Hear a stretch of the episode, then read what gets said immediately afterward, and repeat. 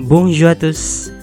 Hello guys, selamat datang di podcast Belajar Bahasa Perancis episode 20 Rabu 12 Agustus 2020. Episode kali ini kita akan mendengarkan cerita dari penduduk Orignac, desa kecil di selatan Prancis, tentang usaha mereka untuk merestorasi sebuah gereja yang memiliki nilai historis, yaitu gereja L'Église Saint-Pierre.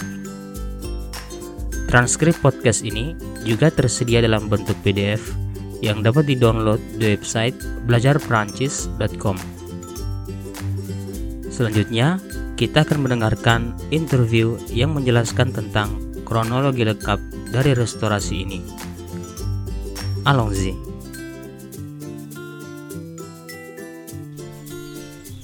Alors voici la célèbre église.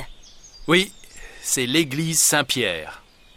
Voyez, elle a une très jolie entrée. Elle date du XIIIe siècle avec des décorations du XVIe. Elle est classée monument historique. Et c'est à cette église qu'il y avait un problème de toit. Et vous savez, les réparations au toit, ça coûte cher. Mais vous avez eu le beau cadeau de ces Américains. Oui, là, je dois dire, c'est formidable. Expliquez-moi comment ça s'est passé. Eh bien, il y a un habitant du village, Monsieur Ragnès, qui travaille dans le pétrole et qui va souvent aux États-Unis. Et comme ça, il a des amis américains. Et un jour, au mariage de sa fille, il invite un couple d'amis américains du Texas. Alors ces Américains passent quelques jours au village. Il tombe amoureux du village, de ses monuments et en particulier de son église. Et il remarque que le toit n'est pas en bon état. Oui, c'est ça. Et ils disent qu'ils vont faire quelque chose, qu'ils vont aider pour la réparation.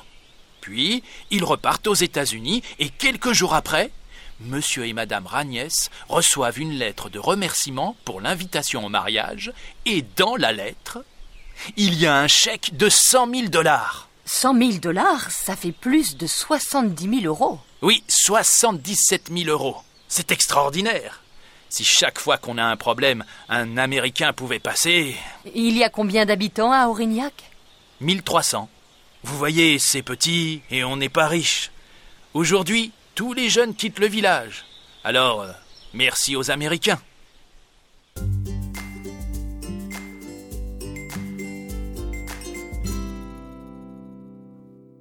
Percakapan antara wartawan La Journaliste dan warga setempat La dimulai dengan penjelasan warga tentang sejarah gereja Saint-Pierre, nilai historisnya, dan beberapa masalah pada kondisi gereja sekarang.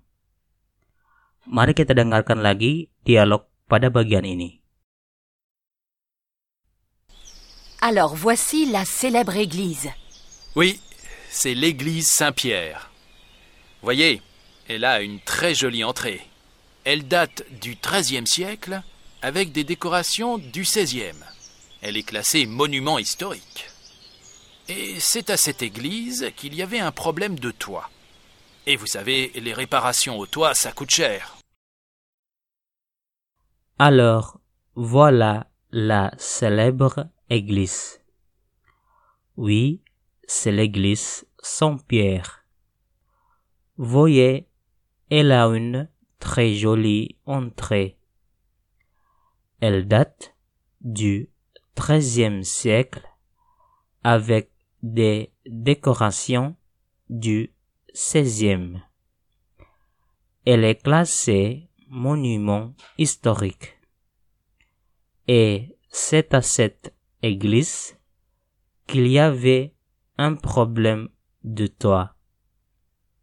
Et vous avez les réparations du toit, ça coûte cher. Menurut warga, gereja Saint-Pierre dibangun pada abad ke-13 dengan gaya dekorasi abad 16.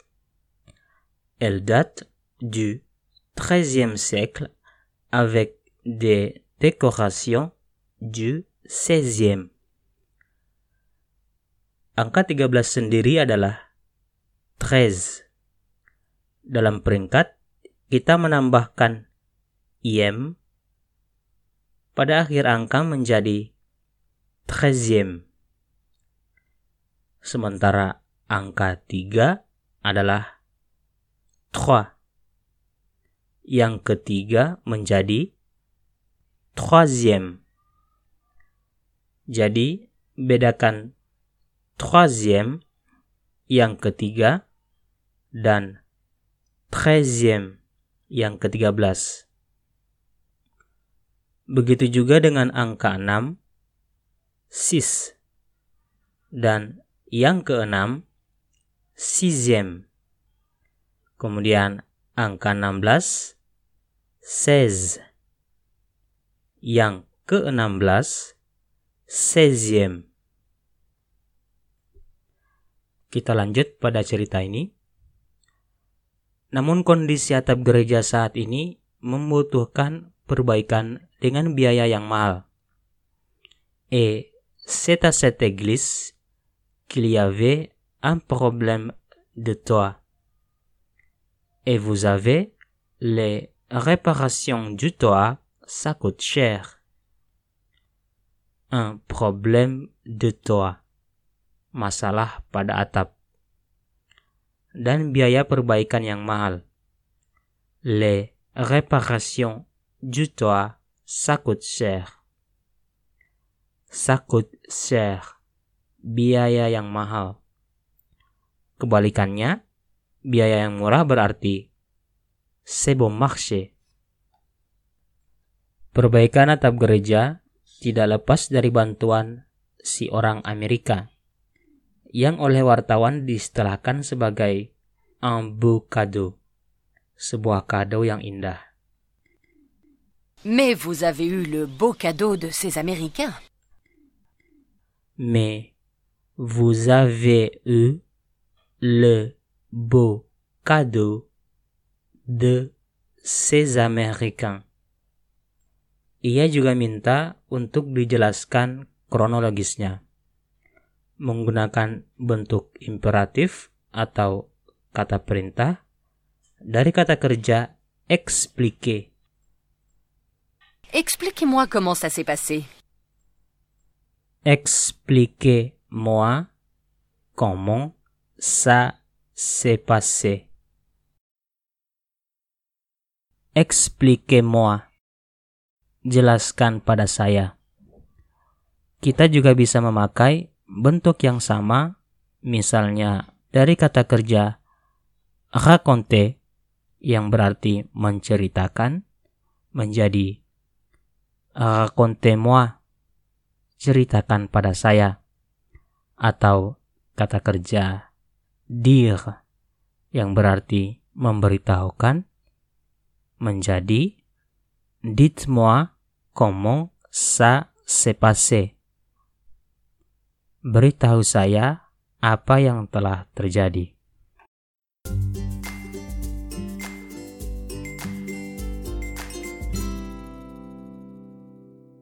Eh bien, il y a un habitant du village, Monsieur Ragnès, qui travaille dans le pétrole et qui va souvent aux États-Unis. Et comme ça, il a des amis américains. Et un jour, au mariage de sa fille, il invite un couple d'amis américains du Texas. Alors ces Américains passent quelques jours au village. Il tombe amoureux du village, de ses monuments et en particulier de son église. Eh bien, il y a un habitant du village, Monsieur Ragné, qui travaille dans le pétrole et qui va souvent aux États-Unis. Et comme ça, il a des amis américains. Et un jour, au mariage de sa fille, il invite un couple d'amis américains du Texas. Alors, ces Américains passent quelques jours au village. Ils tombent amoureux du village, de ses monuments et en particulier de son église. Ia bercerita bahwa semua ini bermula dari salah satu warga desa yang biasa disapa Monsieur Ranier yang bekerja di perusahaan minyak dan membuatnya sering bepergian ke Amerika. Menggunakan salah satu dari les propositions relatives qui yang sudah kita bahas minggu lalu. Monsieur Ranier, qui travaille dans le pétrole et qui va souvent aux États-Unis. Dari lingkungan kerjanya itu, Monsieur Ranye punya banyak teman orang Amerika. Ketika anaknya menikah, ia mengundang salah satu teman Amerikanya, yaitu sepasang suami istri dari Texas. Au mariage de sa fille, il invite un couple d'amis américains du Texas.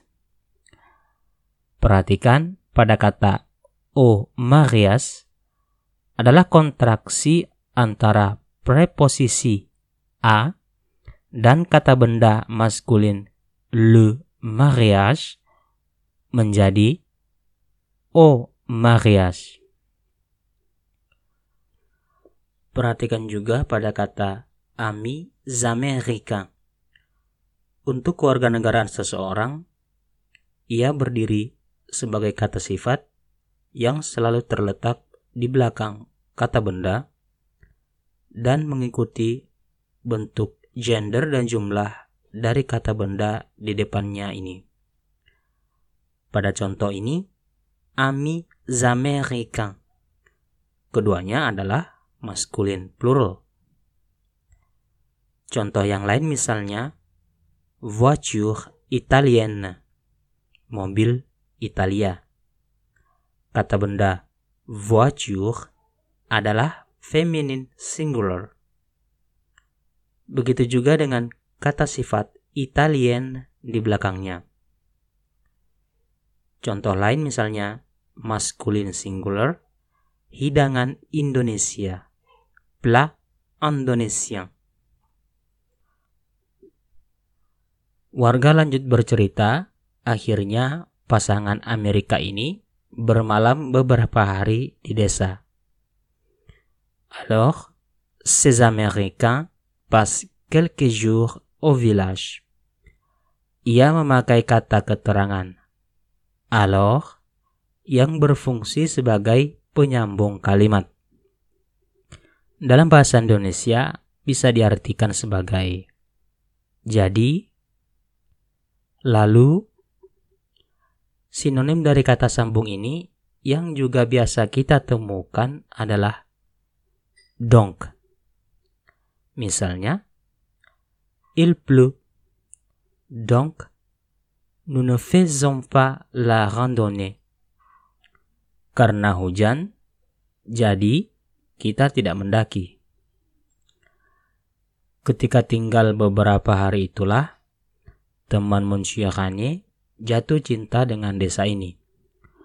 Ungkapan jatuh cinta atau fall in love tidak jauh beda dalam bahasa Prancis, yaitu tombe amoureux. Mereka jatuh cinta pada desa ini, pada monumen-monumennya, terutama pada gereja tersebut.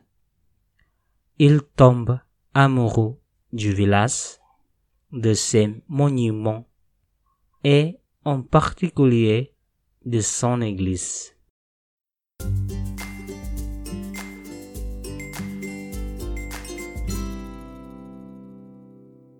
Terkesan dengan desa dan gereja tersebut, teman Monsieur Ranier berniat untuk segera membantu restorasi, khususnya perbaikan pada atap tersebut. Menggunakan kata kerja dalam bentuk futur proche. Oui, c'est ça. Ils disent qu'ils vont faire quelque chose, qu'ils vont aider pour la réparation. Oui, c'est ça. Et ils disent qu'ils vont faire quelque chose, qu'ils vont aider pour la réparation. Ils vont faire quelque chose mereka segera akan melakukan sesuatu dan ils vont aider la réparation. Mereka akan segera membantu perbaikan. Ini adalah dua contoh kata kerja future pros, yaitu kombinasi antara ale plus infinitif. Menunjukkan sesuatu yang akan dikerjakan dalam waktu yang sangat dekat. Tak lama setelah mereka pulang ke negaranya, Munci Ranye mendapat sebuah surat berisi ucapan terima kasih atas undangan pada pernikahan anaknya dan di dalam surat itu juga terdapat cek senilai 100 ribu dolar. Il y un chèque de 100 000 dollars. Kali ini dalam awal paragraf memakai kata sambung yang lain, yaitu puis, yang berarti kemudian. Memang biasa dipakai untuk menyambung kronologi kejadian atau sebuah cerita. Kita dengarkan lagi bagian ini. Puis, ils repartent aux États-Unis et quelques jours après, Puis, il repart aux États-Unis et quelques jours après, kemudian mereka ke Amerika Serikat dan beberapa hari setelahnya, quelques jours après, beberapa hari setelahnya. Kata quelques yang berarti beberapa sering dipakai dalam percakapan maupun tulisan. Contoh lain misalnya, quelques années auparavant, beberapa tahun sebelumnya, dan quelques heures après, beberapa jam setelahnya.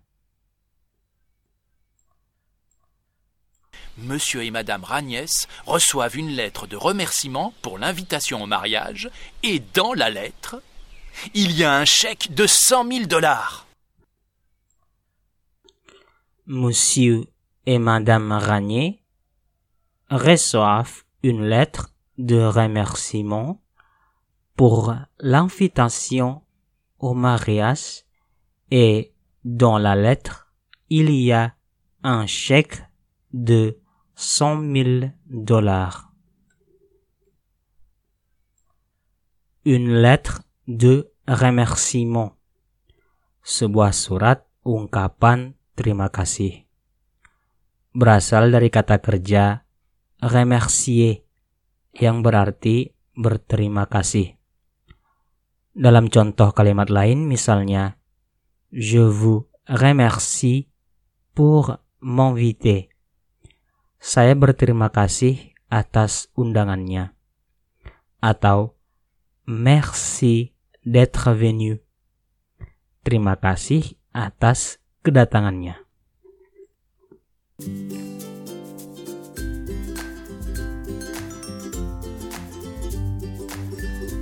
Oke guys, demikian untuk hari ini. Sampaikan pertanyaan kalian melalui email kami info at belajarperancis.com atau pada akun Instagram at podcast Perancis. Sebagai penutup, mari kita dengarkan lagi cerita dari tema hari ini. Alors voici la célèbre église. Oui, c'est l'église Saint-Pierre. Voyez, elle a une très jolie entrée. Elle date du XIIIe siècle avec des décorations du XVIe. Elle est classée monument historique. Et c'est à cette église qu'il y avait un problème de toit. Et vous savez, les réparations au toit, ça coûte cher. Mais vous avez eu le beau cadeau de ces Américains. Oui, là, je dois dire, c'est formidable. Expliquez-moi comment ça s'est passé. Eh bien, il y a un habitant du village, Monsieur Ragnès, qui travaille dans le pétrole et qui va souvent aux États-Unis. Et comme ça, il a des amis américains. Et un jour, au mariage de sa fille, il invite un couple d'amis américains du Texas. Alors ces Américains passent quelques jours au village. Il tombe amoureux du village, de ses monuments et en particulier de son église. Et il remarque que le toit n'est pas en bon état. Oui, c'est ça. Et ils disent qu'ils vont faire quelque chose, qu'ils vont aider pour la réparation. Puis, ils repartent aux États-Unis et quelques jours après, Monsieur et Madame Ragnès reçoivent une lettre de remerciement pour l'invitation au mariage et dans la lettre, il y a un chèque de 100 000 dollars. 100 000 dollars, ça fait plus de 70 000 euros. Oui, 77 000 euros. C'est extraordinaire. Si chaque fois qu'on a un problème, un Américain pouvait passer, Il y a combien d'habitants à Aurignac? 1300. Vous voyez, c'est petit et on n'est pas riche. Aujourd'hui, tous les jeunes quittent le village. Alors, euh, merci aux Américains. Au revoir, à bientôt.